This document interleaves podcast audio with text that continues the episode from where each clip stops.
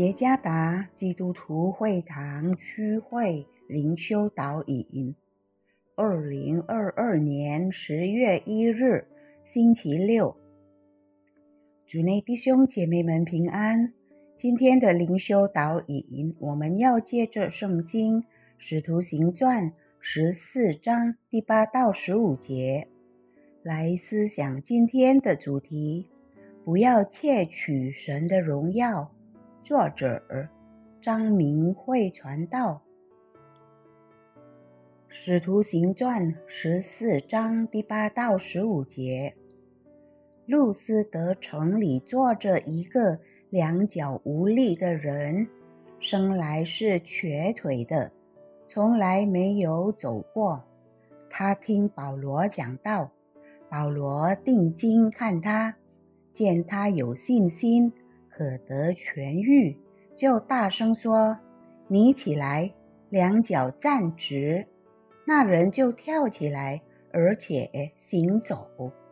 众人看见保罗所做的事，就用吕高尼的话大声说：“有神借着人形降临在我们中间了。”于是称巴拿巴为丢失，称保罗为。希尔米，因为他说话灵手。有城外丢寺庙的祭司，牵着牛，拿着花圈，来到门前，要同众人向使徒献祭。巴拿巴、保罗二使徒听见，就撕开衣裳，跳进众人中间，喊着说：“诸君！”为什么做这事呢？我们也是人，性情和你们一样。我们传福音给你们，是叫你们离弃这些虚妄，归向那创造天地海和其中万物的永生神。我们服侍的时候，有没有被赞扬？也许。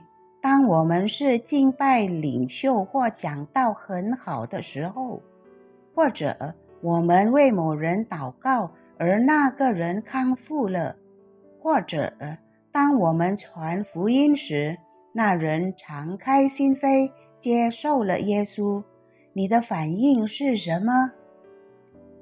保罗和巴拿巴也有同样的经历。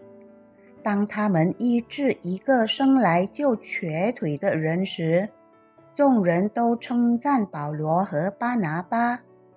他们被称为有这人形的神。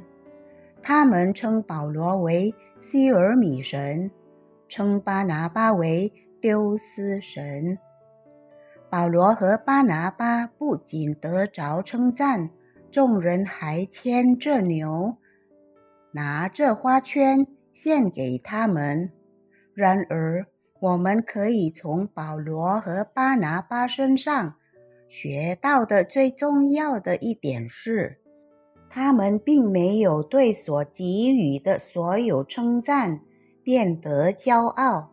相反，他们为众人的所作所为撕开衣裳，并大声喊叫说：“我们也是人。”性情和你们一样，我们传福音给你们，是叫你们离弃这些虚妄，归向那创造天地海和其中万物的永生神。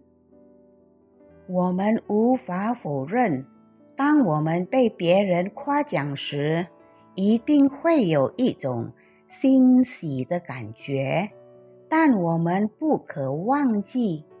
我们在侍奉里的成功，不是因为我们，而是因为神赐的能力，不然我们什么都不是。因此，当我们被称赞时，我们不应该骄傲，更不可的是有窃取神荣耀的动机。愿一切荣耀只归于神。主耶稣赐福。